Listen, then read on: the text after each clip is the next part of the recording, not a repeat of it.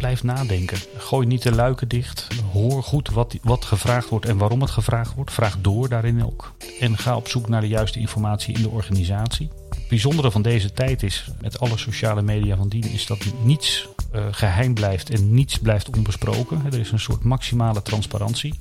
Dus als je denkt dat, dat je door de luiken dicht te gooien wegkomt met dingen, dat, dat is echt voorbij. Welkom bij de Van der Hilst podcast. Mijn naam is Patrick Regan en ik mag ieder kwartaal in gesprek eh, met een vakgenoot uit de communicatiewereld. Vandaag dat Ronald van der Aert, senior PR-consultant, woordvoerder en interim manager. Eh, met PR-consultancy Rogers Communication staat hij bedrijven als Randstad, Gal en Gal en Hogeschool Windesheim bij. In het verleden was hij verantwoordelijk voor de PR van de Amsterdam Arena, bracht hij TEDx Amsterdam aan de man. Of TEDx Amsterdam moet ik dan eigenlijk zeggen. En stond hij Maarten van der Weijden bij in zijn Elfsteden zwemtocht. Momenteel werkt hij als interim woordvoerder bij Albert Heijn. En binnenkort verzorgt hij een van de lessen in de nieuwe Van der Hilst opleiding senior woordvoerder. Dus uh, ja, welkom Ronald. Dankjewel. Ik wil eigenlijk beginnen met, met, met de letters PR. Want je schrijft, omschrijft jezelf als senior PR consultant, spokesman en interim manager. Die laatste twee spreken redelijk voor zich. Eh, maar die eerste twee letters heb ik altijd moeite mee. Want ik had toevallig afgelopen vrijdag volgens mij had ik een gesprek met iemand. En daarin kwam ook uh, de kreet naar voren van ja, dat, dat die aanname klopt. Maar dat hangt er natuurlijk vanaf wat je van, wat je van onder PR-persoon verstaat. Ja, ik weet ook niet wat ik onder PR-persoon versta. Dus wat versta jij eronder? Ja, het, het, het, komt een beetje. Um, het, het, is terug te herleiden naar mijn uh, keuze voor uh, mijn studie. Ik wilde uh, reclame studeren tussen aanhalingstekens. Oké. En dan um, met name de, de, de businesskant en de advieskant. Uh, waar kwam ik terecht? Op een HEO. En daar gingen 300 mensen naar uh, de opleiding commerciële economie. En dat wilde ik niet. Dus ik koos uh, eigenwijs als ik was voor economisch juridisch. Want daar zat het vak PR in. Maar ik had geen idee wat het vak PR was. Tot ik bij het aloude PR-bureau GCI Boetes terecht kwam. Op het Lange Voorhout in, in Den Haag. En daar deden we een case boven op zolder, een, eh, een, een praktijkcase. En dat ging over een chocoladefabriek in Bussum. En het ging over stakeholders en het ging over omgevingsmanagement. En het ging om de relatie en de dialoog met mensen om de organisatie, eh, om die chocoladefabriek heen. En ik merkte dat ik dat interessant vond, omdat dat dichtbij um, de beslissingsmacht uh, zat dat je daar met, uh, door een bril van reputatie van de organisatie kon je adviezen uit, uitbrengen. En daar werd ook naar geluisterd. Nou, als je, tenminste, als je goede ideeën had. Uh, het ging niet over marketing, het ging niet over marketing PR, maar het ging echt over de relatie en de dialoog met, met uh, groepen, doelgroepen om de organisatie heen. En vaak vanuit het oogpunt van reputatie. Dus er zit iets defensiefs in, maar, maar zeker ook structureel bouwen aan een, aan een goede reputatie voor de organisatie. En dat, uh, dat sprak mij heel erg aan. En uh, ik ben niet zo'n definitie uh, fetischist. Dus ik ben, ik, uh, of het nou corporate communications heet, of corporate communication zonder S, of dat het nou public relations heet. het, het, maakt me eigenlijk allemaal niet zoveel uit. Maar het is, de, het is, de, het is alles wat niet marketing is. Mm -hmm. um, maar gaat om de reputatie van de organisatie. En daar, word ik, daar, daar loop ik warm voor. En die stakeholders, die, ja, dat zijn mensen vaak. Um, is het dan ook iets, het menselijke wat je aanspreekt misschien? Omdat marketing, dan schreeuw je het grote open gat in. En misschien het PR heb je wat persoonlijke relaties. Nou, het gaat, het gaat mij meer om de dialoog. Om, de, um, om ook luisteren dus. Uh, waar, daar waar reclame toch vaak heel hard zenden is... vind ik het interessant om te luisteren... en wat je, wat je gezamenlijk kunt bereiken met, met doelgroepen. Jouw uh, uh, loopbaan is behoorlijk breed, maar ook echt heel breed. Uh, van Albert Heijn tot de Amsterdam Arena. ik zag tien jaar UPC en dat is ook het hele grote lange stukje in het midden. Ja. het ministerie voor Infrastructuur en Milieu. waarom zo breed? Spreekt dat je dan ook aan? Of? Nou, de, je moet onderscheid maken denk ik tussen de periodes dat ik bij, bij bureaus heb gewerkt of mijn eigen bureau heb of had als je interim manager bent, dan werk je nog steeds in een, in een bureauvorm, maar je bent wel dedicated aan een, aan een organisatie of bij een organisatie bezig. Um, dus in die hoedanigheid heb ik bijvoorbeeld uh, interim management gedaan of interim, ben ik interim adviseur geweest bij een ministerie um, en nog heel veel andere organisaties bijgestaan.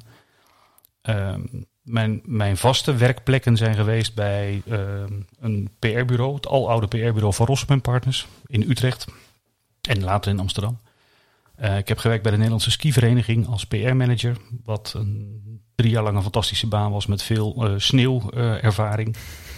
um, ik heb gewerkt bij de, bij de, uh, in de openingsperiode bij de Amsterdam Arena inmiddels Johan Cruijff Arena. En daarna ben ik tien jaar lang bij UPC in verschillende uh, rollen uh, aanwezig, aanwezig geweest. maar ik heb er ook gewerkt. Je hebt er ook wat gedaan, ja precies. um, ik, kwam daar, nou, ik, ik had tussendoor bij een sponsoringadviesbureau gewerkt. En, en onder andere ook sponsoringadvies gegeven aan het uh, kabelbedrijf Telekabel. Wat later UPC werd. En men, men heeft mij destijds gepolst of, uh, of ik niet bij het kabelbedrijf wilde komen werken. Dat wilde ik wel, maar dan in een, in, in de, in een PR-functie. Dat was woordvoerder, of dat werd woordvoerder. Ben later uh, PR-manager geworden daar en uh, uiteindelijk als Director Corporate Communications weggegaan en voor mezelf begonnen. dat was in 2009. Nou, en vanaf dat moment voor heel veel verschillende clubs weer gewerkt. Ja, ja van al die, al die rollen die je hebt gehad, of het nou als, als intrimmer is of via een bureau of echt vast in dienst ergens, is er iets wat je het meest is bijgebleven of waar je misschien het, het, het blijst van wordt als je erop terugkijkt? Uh, ja, waar, waar begin je bij? Nee, natuurlijk ook. Nee, kijk, iedere, iedere rol um, heeft, heeft toegevoegde waarde gehad. Heb ik iets geleerd? Heb ik iets meegenomen naar de volgende rol? Of het nou bij de skivereniging was, waar ik mijn eerste uh, woordvoerderservaring opdeed. Eerste serieuze woordvoerderservaring tot um, uh, UPC, waar we heel erg in crisiscommunicatiesfeer zaten de eerste paar jaar. En um, wat ook zijn eigen dynamiek had en, en, veel leerpunten, maar wat ik wel fantastisch vond. Um, ik denk dat het meest bepalend UPC is geweest. Ik heb daar lang gezeten, in verschillende functies, zoals ik net vertelde. En ik heb daar uiteindelijk het meest geleerd en uh, het meest kunnen betekenen, denk ik.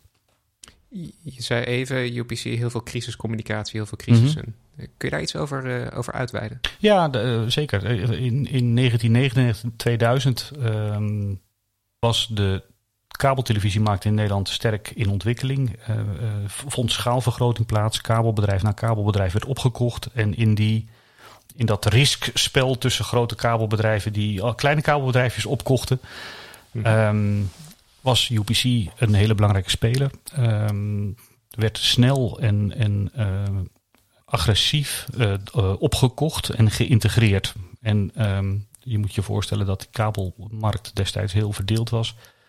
Dus ieder kabelbedrijf had ook zijn eigen systemen, zijn eigen netwerk, um, zijn eigen aansluitingen. En dat betekende dat, ja, dat je een soort lappendeken werd uh, naarmate je meer kabelbedrijven opkocht. En dat ging ten koste van de, de kwaliteit van de dienstverlening. Dus de aansluitingen haperden, um, internetsnelheden haperden. Dit is de tijd van de always on uh, breedband internet proposities. Uh, ten opzichte van de aloude dial-in modem, 56k modems. Uit die tijd, uh, zo lang geleden praten we. en, en, en, en, als, je, als je dus de, de, de, de hemel belooft als internetbedrijf uh, en je levert dat niet, dan, dan komen daar klachten over. En naarmate er veel klachten zijn, dan springen ook journalisten daarop in. Dus we, we oktober 2000 was redelijk, redelijk bepalend daarvoor met een, uh, een uitzending van Tros Radar die 30 minuten lang in het teken stond van UPC. Um, ehm, en waar wij um, niet of nauwelijks aan het woord kwamen. En vanaf dat moment was eigenlijk het, het hek van de dam en stond, lagen we vol in de, in de vuurlinie. En dat heeft jaren geduurd. Um, waarbij we uh, voor onszelf hebben bedacht dat we een, een verbeterplan moesten uitrollen op alle niveaus. Hè, of het nou uh, de facturen waren, of de klantinformatiesystemen, of het netwerk. Ja, een, een, een groot kabelbedrijf als UPC, dat, dat, zo'n turnaround eh, kan je niet in drie maanden doen. En dat werd eigenlijk wel verwacht. Dus we hebben jarenlang ook klachten gehad. Uiteindelijk heeft dat erin geresulteerd dat, je in, in, dat we in 2007 de boel wel uh, al lang onder controle hadden, maar dat we toen nog wel, eh, de, klachten druppelden nog na. En van, het, van, het, van een nadeel hebben we een voordeel kunnen maken. Ik noem dat wel eens gekscherend. Niet de wet van de remmende voorsprong, maar de wet van de accelererende achterstand. Omdat het niet goed was, moet je, uh, moet je iets. En wij bedachten daar uh, dat moment dat we via sociale media, die net, die net aan het opkomen waren, hè, Twitter en, en Facebook waren net in opkomst dat wij klantenservice gingen bieden op sociale media. En, aan de aan de kantinetafel uh, op het kantoor aan de Kabelweg in Amsterdam hebben we toen de term webcare uh, bedacht.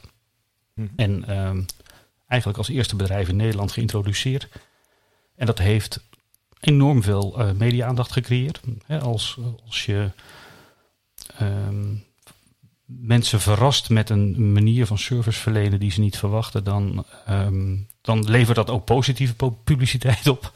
En ja. uh, in hele korte tijd hebben we daar heel veel aandacht voor gekregen. En zijn wij eigenlijk vanaf dat moment ook een soort rolmodel geweest voor heel veel andere organisaties. Die zijn ook bij ons, bij ons langs geweest. We hebben heel veel van die kennis overgedragen op congressen en uh, nou ja, andere feesten en partijen.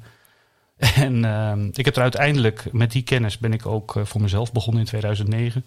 En heb mm. de eerste jaren van mijn zelfstandig bestaan ook heel veel webcare teams mogen begeleiden en trainen. En heb daar ook in 2013 uiteindelijk een boek over geschreven.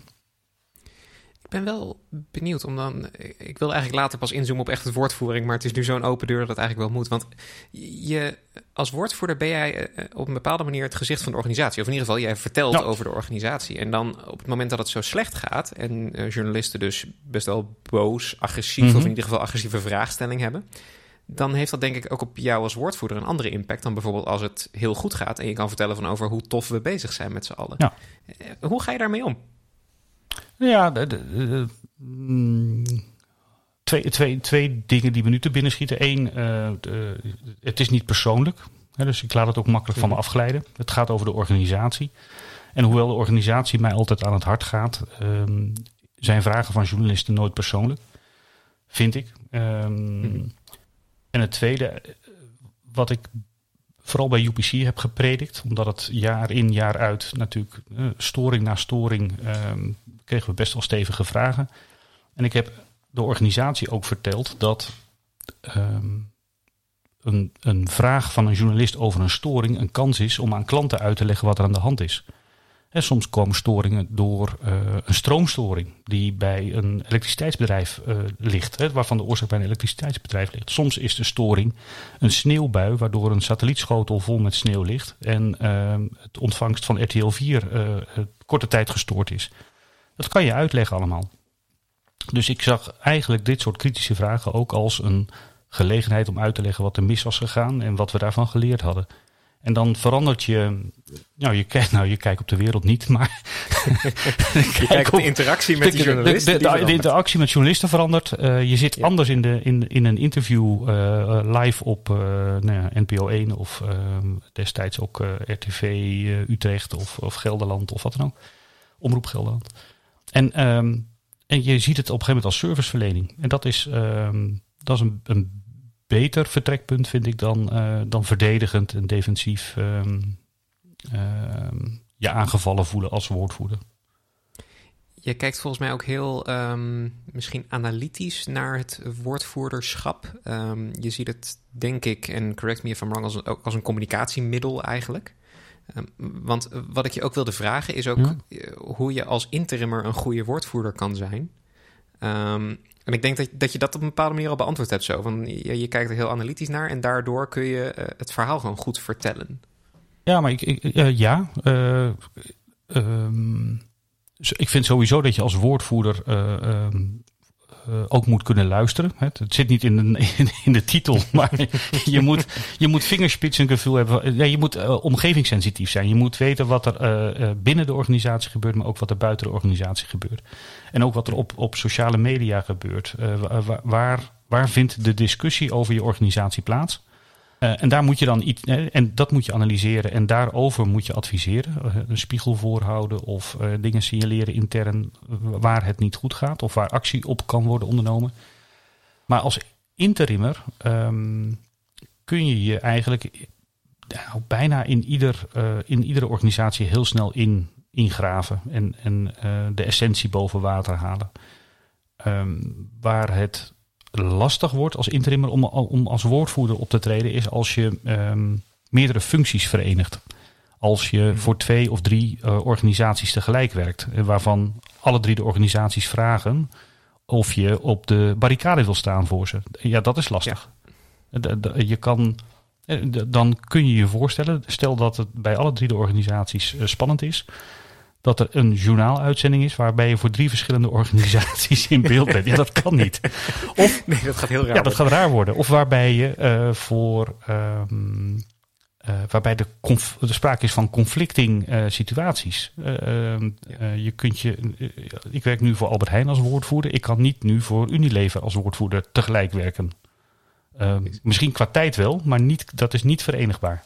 Ook al gaan... dan moet je denk ik zelf inderdaad ook dat, dat gevoel wat je net omschreef ook hebben. Van welke opdrachten kunnen wel naast elkaar en welke niet. Ja, en, en, en niet dat Unilever en uh, Albert Heijn niet heel goed met elkaar door één deur gaan. Maar uh, dat is, de, die dubbele pet kan niet. Nee, precies. Ja, ja voordat ik uh, verder ga echt op het, uh, het, het, woordvoerderschap, ik wilde toch nog kijken naar een aantal uh, projecten en dingen die er echt uit jouw loopbaan wel uitsprongen. Want ik zag op een gegeven moment Elfsteden zwemtocht en toen dacht ik, ja, dat is inderdaad best wel een mediading geweest. Dat is heel groot geweest en dat heb je er ook nog vrijwillig volgens mij gedaan. Ja. Dat is ehm, niet niks om er zo maar even naast te doen. nee, daar hebben we iets in verkeken eigenlijk. nee, ja, soms komen er projecten op je pad waar je... Um, instapt zonder dat je weet wat, wat het gevolg is. Um, TEDx Amsterdam was zo'n project uh, waarbij ik een, um, een van de organisatoren tegenkwam in Amsterdam. Uh, kende ik uh, nog niet goed, maar we, we, waren bekend met elkaar. En zij vroeg mij eens mee te denken en in te stappen. Nou, daar kwam de allereerste editie van TEDx Amsterdam uit in 2009. En eigenlijk gebeurde in 2018 hetzelfde. Ik uh, had een, nieuw kantoor gevonden in Hilversum, waar ik, vanuit waar ik werkte. En um, een van de mensen die daar al zat, Corrie Niesing, is nu directeur communicatie bij uh, Randstad. Die vroeg mij uh, om, um, ja, om, om eens mee te denken, want Maarten van der Weijden kwam vandaag op kantoor om eens na te denken over de Elfsteden zwemtocht. En heb je tijd om een uurtje mee te denken? Ja, natuurlijk leuk. Uh, ik kende Maarten ook wel van televisie en van zijn gouden medaille. En um, vond het heel leuk om even uh, mee, te, mee te, te sparren. Hè? Dat was het eigenlijk. En ja. hij was toen in voorbereiding voor een trainingstocht.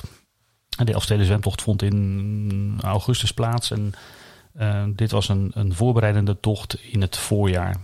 mei, juni geloof ik uit mijn blote hoofd. En hij wilde zwemmen van een, van een Waddeneiland naar Amsterdam. En ik heb toen tegen hem gezegd, ja, dat, dat Waddeneiland begrijp ik niet. En waar dan in Amsterdam? Dat, dat werd ook niet helemaal duidelijk. Ik zei, nou, als we dan vanuit Amsterdam, vanuit het, het hoofdkantoor van het KWF, waar je voor zwemt, hè, want hij zwom voor, zwemt voor kankeronderzoek. Als we dan naar Leeuwarden zwemmen, waar jouw Elfsteden zwemtocht gaat plaatsvinden, dan conceptueel klopt dat. Uh, de lengte klopt. En uh, dan gaan we dat ook zien als een, niet alleen als voor jou een trainingstocht, maar ook voor, voor, voor de PR-mensen als een trainingstocht. En uh, ik moet eerlijk zeggen dat ik mij volledig verslikt had in, in de hoeveelheid werk. Want daar kwamen eh, nou ja, allerlei cameraploegen al op af. En het was fantastisch al. Eigenlijk was die trainingstocht al voor mij een soort hoogtepunt. En toen stond ik op een, op een tweesprong van ga ik nu stoppen of blijf ik erbij betrokken? Dus ik heb de, de, de learnings van die trainingstocht heb ik omgezet in een advies. En um, nou ja, dan moet je een keus maken. Ga ik het doen of ga ik het niet doen? En ik vond het eigenlijk um, ik realiseerde me dat het vrijwilligerswerk was inmiddels. dat het heel veel tijd zou gaan vragen. Uh, maar ik vond het, ja. de ploeg mensen was, was echt een, een topploeg waarmee we dit deden. En um, nou ja, op dat moment ben ik all in gegaan. Um, niet wetende uh, hoeveel werk het zou zijn en waar me dat zou brengen. Um, we hebben een, echt een fantastisch project gedraaid. Dit is de Elfsteden zwemtocht die niet gelukt is. Hè, waarbij die vroegtijdig -hmm. is uitgestapt. Toen werd hij nog, we hebben nou bijna 24 uur per dag uh, voor hem gewerkt. Um, met uh, razende PR-ploegen door Friesland scheurend. Uh, met mensen in volgboten, PR-mensen in volgboten om journalisten te begeleiden. Um, speciale afspraken met Hart van Nederland om um, mee te varen en verslag te doen vanaf volgboten of vanaf de coachboot. En dan uh, aan het eind de, de, de, zijn onthaal in, uh, terwijl hij al gestopt was, zijn, zijn onthaal in, Leeuwarden met uh, eh, 20.000 man op een plein. Ja, dat was 20, ja, ik denk dat ik het nu naar boven afrond, maar duizenden mensen op een plein. Um, en hij kwam aanvaren en wij stonden achter het persvak waar alle journalisten stonden. En er stonden vier camera's en die gingen tegelijk, te, tegelijk live om zijn nou ja, zijn onthaal. Aan- aankomst, binnenkomst, de, de, de, de boot van Sinterklaas kwam aan.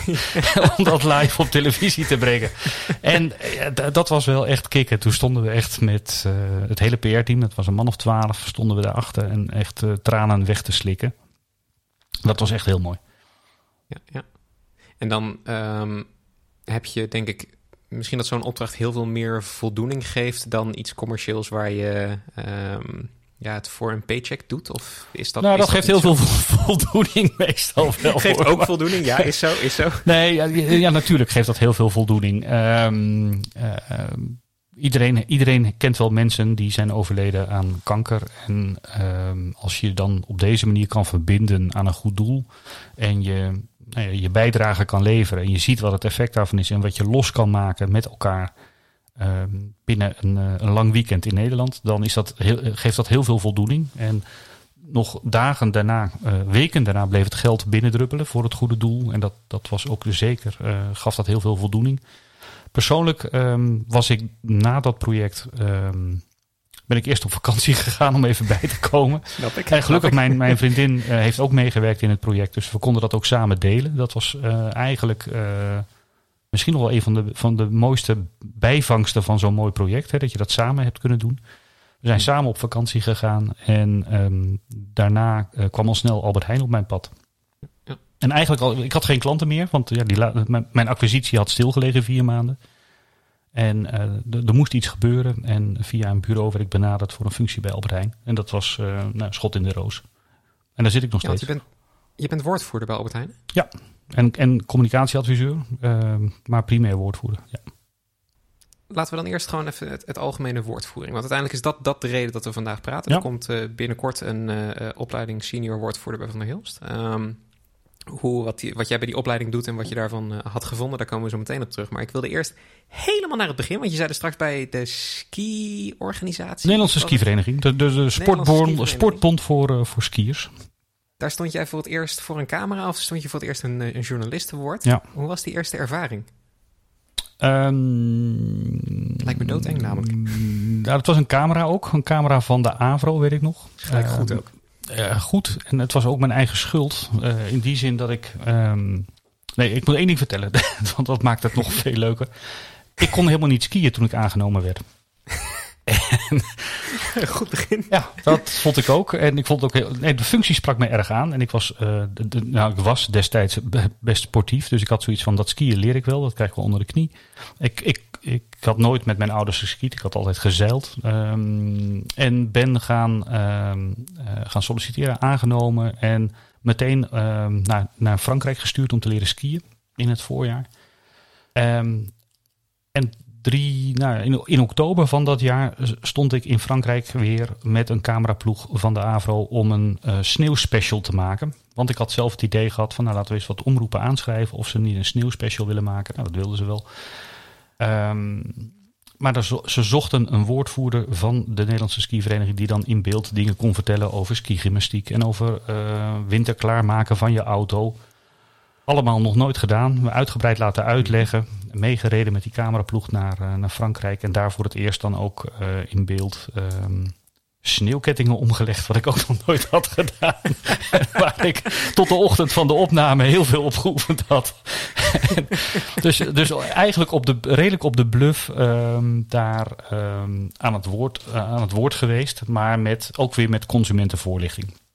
Maar wij deden ook eh, voorlichting rondom skiwedstrijden van eh, Nederlandse eh, topskiers. We hebben heel veel ehm, het, het woord gevoerd over altijd over skiomstand, hè, sneeuwomstandigheden, skiomstandigheden. Dat was een, een, ieder jaar was er zo'n vast ritme dat media aandacht besteden aan wintersport. Mhm. En dat zie je nu nog steeds terug. Hè. Co- collega's van, van de skivereniging die na mij zijn gekomen, die zie je ieder jaar wel terugkomen op, op televisie en op radio.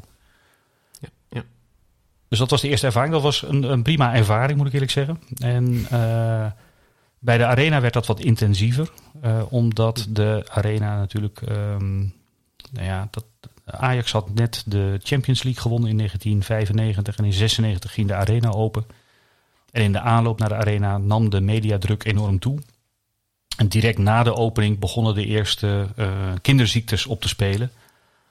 Om te beginnen de grasmat, maar ook het dak en de looproutes en deuren voor gehandicapten, liften voor gehandicapten, parkeerproblemen. Nou, alles, alles, alles, alles.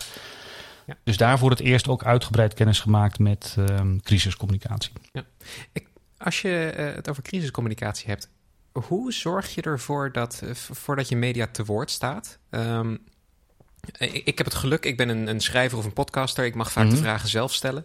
Um, dus ik kan ook gewoon zelf kijken van oké, hoeveel informatie moet ik hebben om straks een goed verhaal te kunnen vertellen.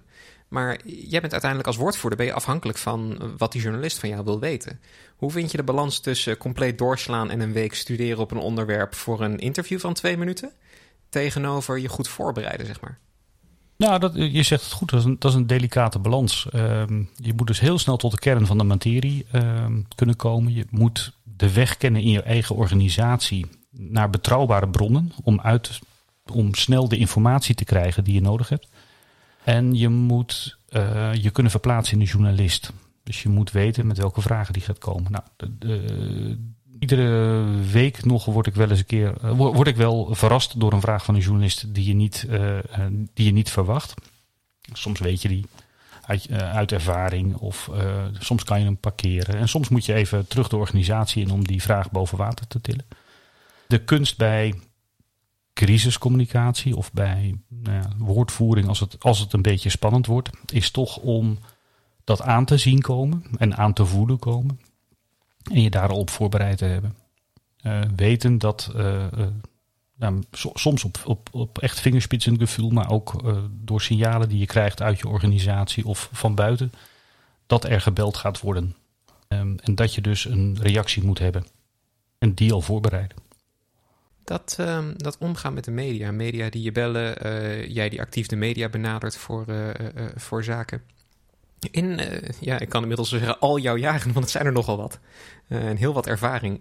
Is dat heel erg veranderd of is eigenlijk die interactie met een journalist altijd hetzelfde gebleven? Dat is een, een ik ben geneigd te zeggen dat het veranderd is, maar dan, ga je, dan weet ik ook jouw volgende vraag. Ja, wat is er dan veranderd? dan veranderd? en, en die vind ik dan weer. Ik, ik, ik, ik heb de neiging te zeggen dat het allemaal uh, veel sneller is, uh, is, is geworden. En de, de, er is maar weinig tijd voor een goed verhaal. Er is maar weinig tijd voor hoor en wederhoor. Betekent ook dat je uh, snel moet reageren als er iets verschijnt. De, de, ik, kom, ik ben, klinkt nu echt wel als heel oud, maar toen ik begon bij het PR-bureau, toen werden er nog persberichten uitgeprint en in een envelop gestopt. En, daar werden envelop, en die, die gingen door een frankeermachine. En dan wow. twee dagen later zag je het misschien terug in de krant, maar meestal niet. en, en, een week later kon je misschien een keer een knipselkrant. Ja, die versnelling die is echt enorm geweest natuurlijk eh, de afgelopen 30 jaar. Um, dat betekent dat als we nu een persbericht wegsturen, versturen, mailen dat je eigenlijk binnen een uur daar gewoon resultaat van ziet. Ehm, en, en dat betekent ook dat je snel moet zijn met uh, het corrigeren van verkeerde interpretaties. Of met het geven van aanvullende informatie. Wat soms heel lastig is, want als, als, een, als het ANP iets oppakt, dan rolt dat automatisch door naar allerlei websites. En als het ANP een, een, bij wijze van spreken een naam verkeerd schrijft van een van, een, van een product of een directeur, dan rolt dat ook door. En zie dat dan maar weer eens gecorrigeerd te krijgen. Ehm, dus die versnelling is, uh, is echt wel onveranderd. Uiteindelijk, in de essentie, de relatie met journalisten blijft nog steeds belangrijk. Mhm. Overigens ben ik wel van de, van de school dat, um, dat die, althans, ik, ik vind dat je heel snel een relatie kunt opbouwen met journalisten, uh, ongeacht welke branche ook. Dat betekent dat je goed je huiswerk moet doen, moet weten welke journalisten daar ehm, actief zijn. En je ook gewoon even moet voorstellen. Ik, ik, ik heb het nooit een uh, probleem gevonden als iemand niet de journalisten in een branche kende, bijvoorbeeld. Nee, die leer je wel kennen en heel snel. En uh, je, je zei even in een bijzin en jezelf dan voorstelt. Ga je dan als je in een nieuwe branche komt gewoon alle journalisten af en zeg je... hallo, ik ben die en die woordvoerder van dat en dat, dus uh, we komen elkaar nog wel tegen? Of? Als je binnenkomt in een organisatie. Nou, eigenlijk heeft iedere organisatie een vaste groep, een kerngroep journalisten die, die jou volgen. En dat zijn, de, dat zijn vakjournalisten, maar dat zijn uh, bij, nou, bij sportkranten zijn dat de, de verslaggevers die uh, verstand hebben van skiën. Uh, dat zijn de recreatieve tijdschriften oh, die over vakanties gaan. En dan heb ik het even over de context van een skivereniging.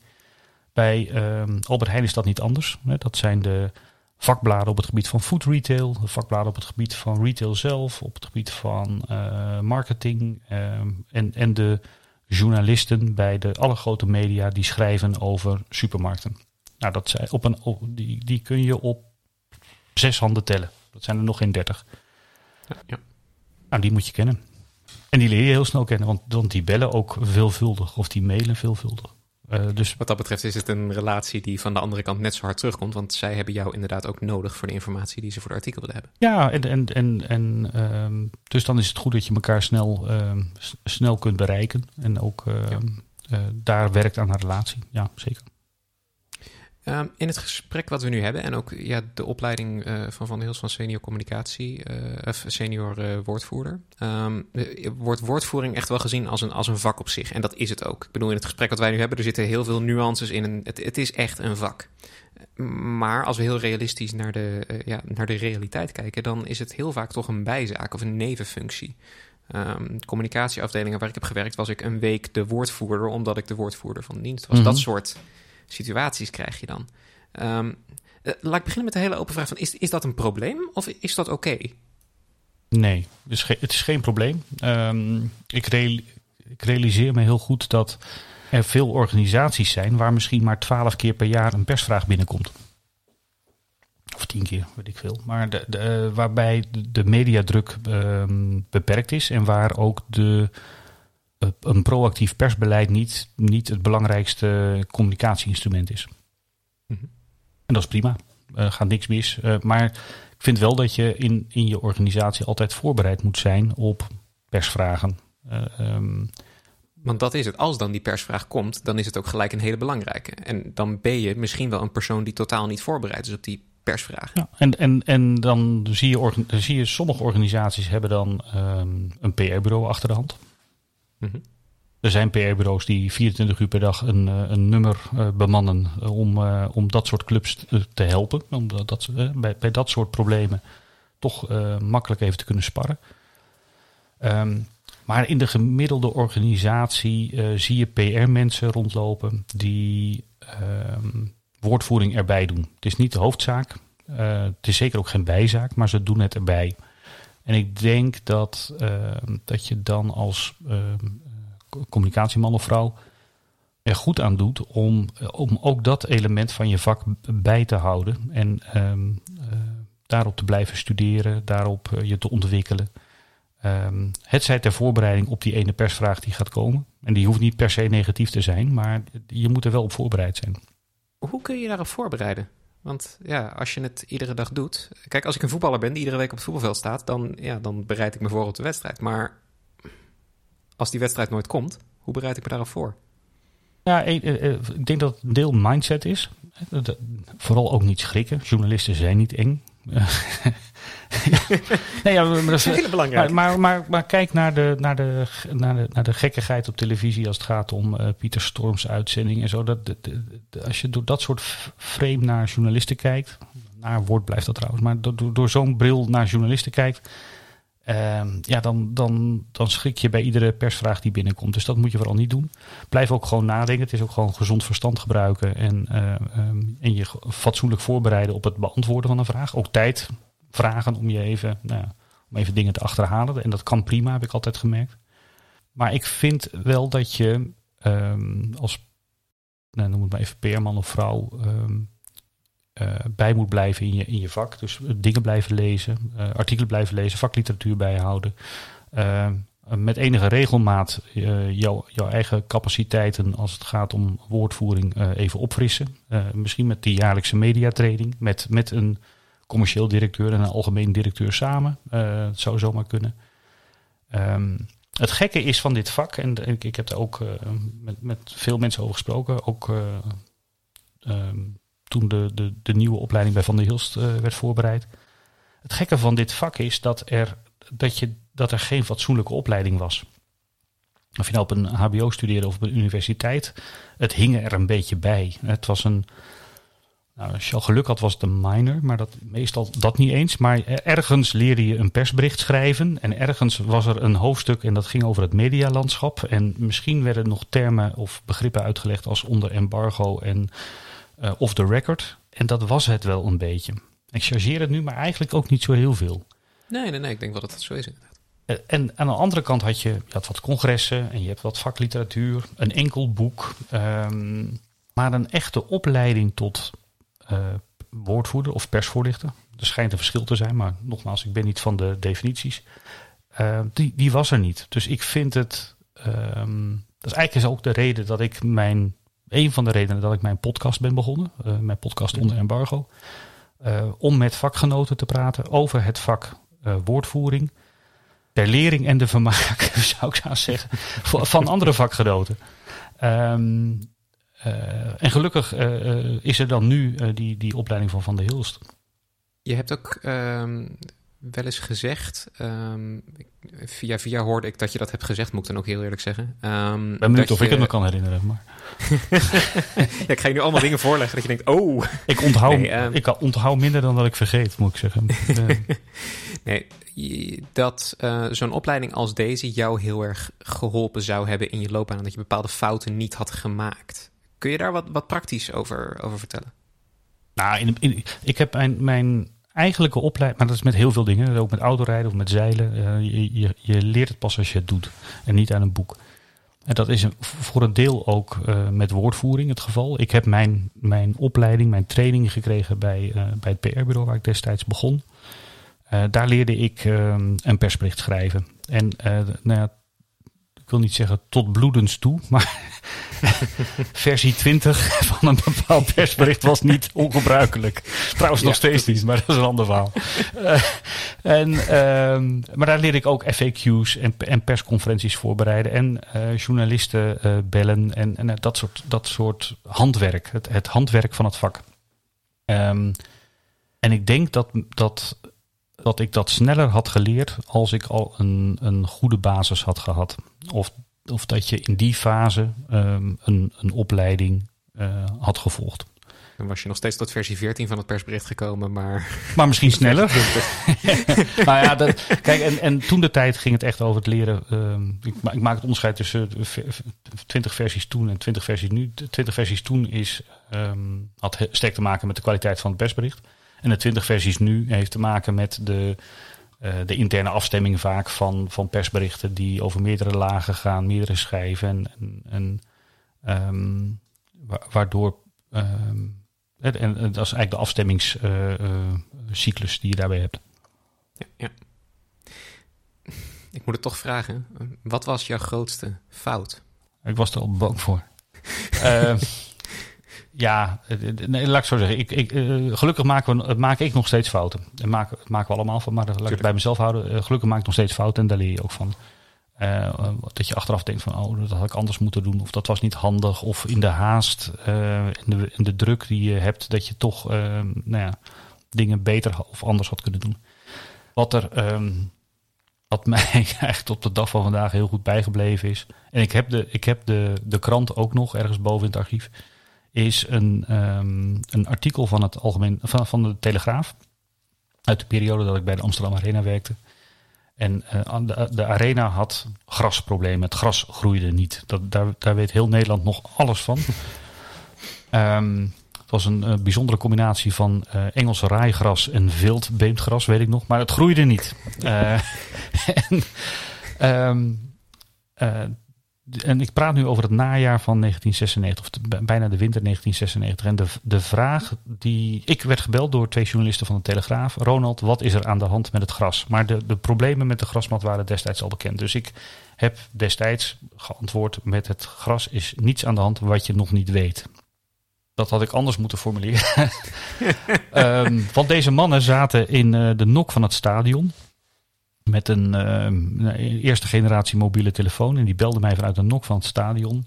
Want die zagen voor zich in het stadion dat de grasmat werd afgegraven en werd vervangen door nieuw gras. En uh, de volgende ochtend uh, haalde ik de krant uit de brievenbus en op de voorpagina van de Telegraaf stond uh, de kop woordvoerder Amsterdam Arena, dubbele punt. Met het gras is niets aan de hand. En daaronder de foto van een afgegraven grasmat. Dat, ik zo, dat was niet het hoogtepunt van mijn carrière bij de Amsterdam Arena. Maar ehm, daar werd intern eigenlijk best wel eh, luchtig over gedaan. Zo, ja.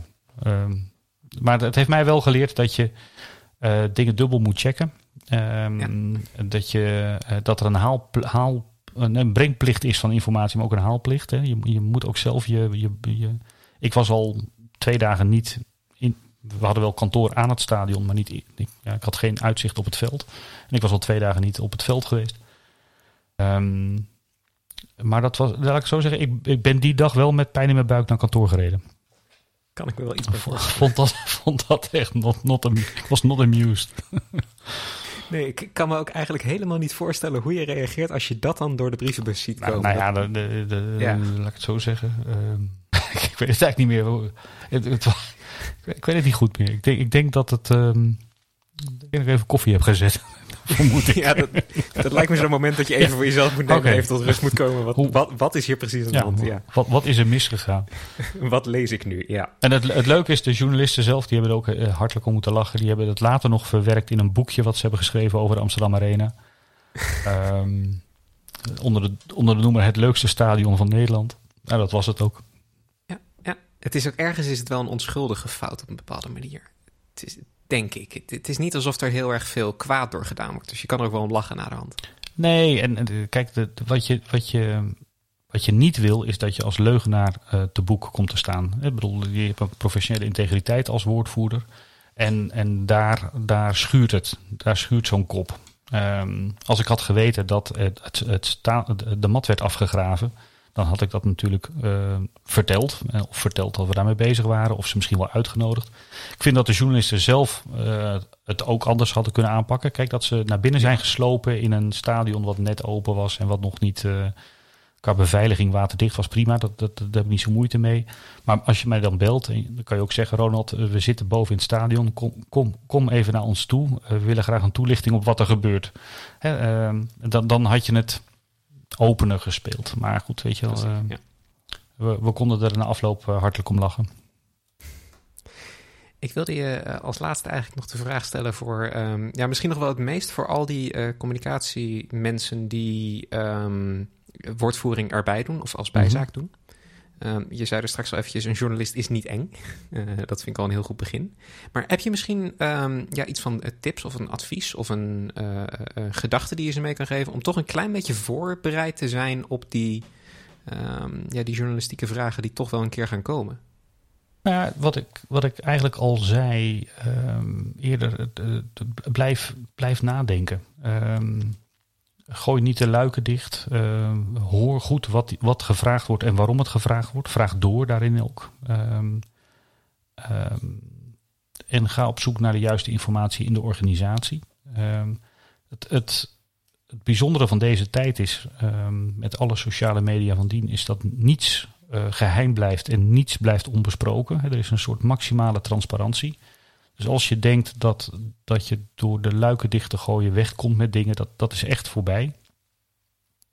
Um, in proactieve zin uh, denk ik dat je um, er goed aan doet om toch een scan te maken. Ook al heb je niet heel vaak met media te maken, toch een scan te doen van wie schrijft nu over mijn, mijn branche. Ook al is het niet over mijn organisatie, maar wie schrijft er over mijn branche en waar gaat dat dan over? Uh, volg dat. Uh, zie daar ook de kansen misschien in om voor je eigen organisatie toch iets te kunnen betekenen met, met een mooi verhaal. Um, blijf ook op zoek naar uh, de verhalen in je eigen organisatie. vaak liggen verhalen ehm, verborgen en moet je ze ontdekken, net als graf van een farao in, in Egypte, wat na je dacht dat Egypte wel omgegraven was, maar ze vinden vorige week toch weer een complex met. Ja, ja. Nou ja, dat is ook in je organisatie. Er liggen verhalen begraven en die kun je afstoffen. En die kun je oppoetsen en die kun je, uh, kun je brengen met een andere invalshoek. En, uh, en, dan, en, en op die manier um, help je uh, de reputatie van je bedrijf verder. En het leuke is om die verhalen te gaan vinden, want die, die zijn echt overal te vinden. Wil je uh, onwijs bedanken voor al je uh, kennis eigenlijk die je hebt gedeeld. Maar ik kan me voorstellen dat mensen ook veel meer van die kennis willen. Je noemde je, je podcast al eventjes. Um, waar kunnen uh, mensen jou vinden en volgen op het grote internet? Oh, het grote internet. Het schijnt groot te worden, het internet. Nee. Het wordt ook allemaal het, het wordt wel wat. Uh, nee, ja, via LinkedIn, heel graag. Uh, uh, daar ben ik vrij actief. Ik deel ook vacatures daar, maar ik promote ook mijn, mijn, mijn afleveringen van mijn podcast. Via Twitter ben ik te vinden op @amazingpr. waarom heet dat zo? Dat was ooit een blog van mij. En, en de blog bestaat niet meer, maar het account nog wel. Dus AmazingPR. En uh, mijn podcast heet Onder Embargo. En vind je bij Apple, Spotify en Google. En nog een paar andere platformen. Maar, en uh, nodig me uit. Ik link graag. Uh, stuur me een DM als je vragen hebt. Onwijs bedankt voor het luisteren naar de Van der Hilst podcast. Wil je op de hoogte blijven van alle interviews die nog komen? Abonneer je dan in je favoriete podcastspeler. De Van der Hilst podcast is van voor tot achter gemaakt door mij, Patrick Regan, in opdracht van Van der Hilst. Je vindt Van der Hilst op Twitter, LinkedIn en Facebook en natuurlijk op het web via hilst.nl. Onwijs bedankt voor het luisteren en tot de volgende.